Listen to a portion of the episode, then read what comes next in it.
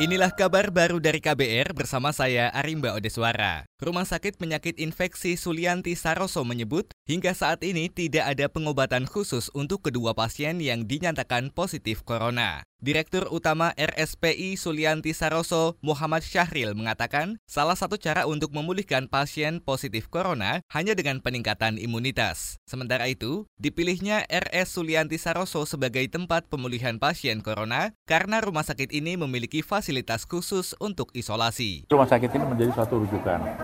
Ya. Nah, kenapa disebut dengan rujukan? Karena di sana ada alat yang khusus untuk mengisolasi pasien itu agar tidak terjadi penularan. Karena begitu pasien masuk di ruang itu, kita mempunyai alat agar suasana di sana kondusif untuk tidak terjadi penularan dan uh, virus mati di sana. Negatif pressure, tekanan negatif ya. Kemudian ada lagi disebut dengan air handling unit ya. Itu pun untuk mengatur udara ini ya, sirkulasi. Itu tadi Direktur Utama RSPI Sulianti Saroso Muhammad Syahril. Dua WNI dinyatakan positif corona usai bertemu dengan warga negara Jepang yang juga dinyatakan positif penyakit mematikan ini. Keduanya bertemu di salah satu lokasi dansa yang ada di Jakarta. Sementara itu, saudara, Presiden Joko Widodo memastikan adanya insentif pariwisata tidak akan membuat wabah corona semakin mudah masuk ke Indonesia. Ia menjelaskan, insentif tersebut diberikan agar kondisi ekonomi tetap baik meski virus corona tengah mewabah. Insentif tersebut ditujukan untuk meningkatkan kunjungan dari negara yang diperkirakan tak menjadi epicentrum penyakit tersebut. Tidak, itu berbeda.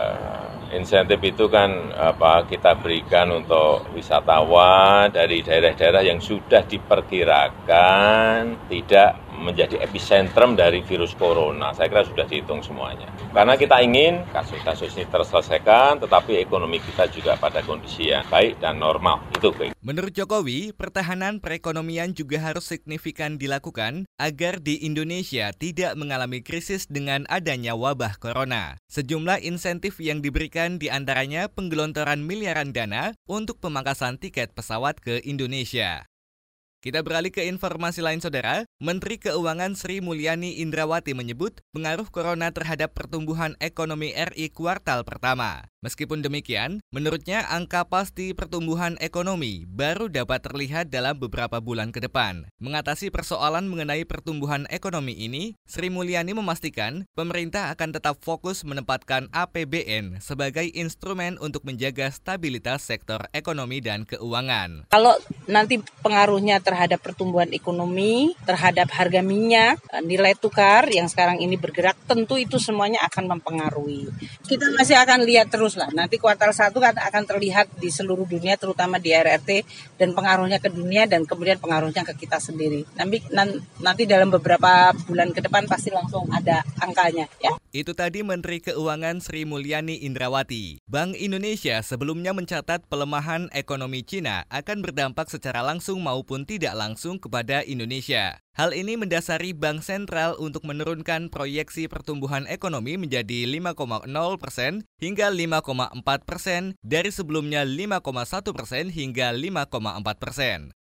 PT Kereta Cepat Indonesia Cina atau KCIC sudah memperlakukan prosedur sangat ketat terhadap para pekerja Tiongkok yang masuk ke Indonesia melalui proses karantina selama dua pekan dalam rangka mencegah penyebaran virus corona. Direktur Legal KCIC Dwi Windarto menjelaskan, selain karantina, para pekerja juga wajib memiliki sertifikat kesehatan dari pemerintah Tiongkok yang menjelaskan bahwa mereka terbebas corona. Sebelumnya, Menteri Perhubungan Budi Karya Sumadi menegaskan pemerintah tetap berkomitmen proyek kereta cepat Jakarta-Bandung sesuai target selesai pada akhir 2021, sekalipun di Tiongkok sedang dilanda wabah corona COVID-19.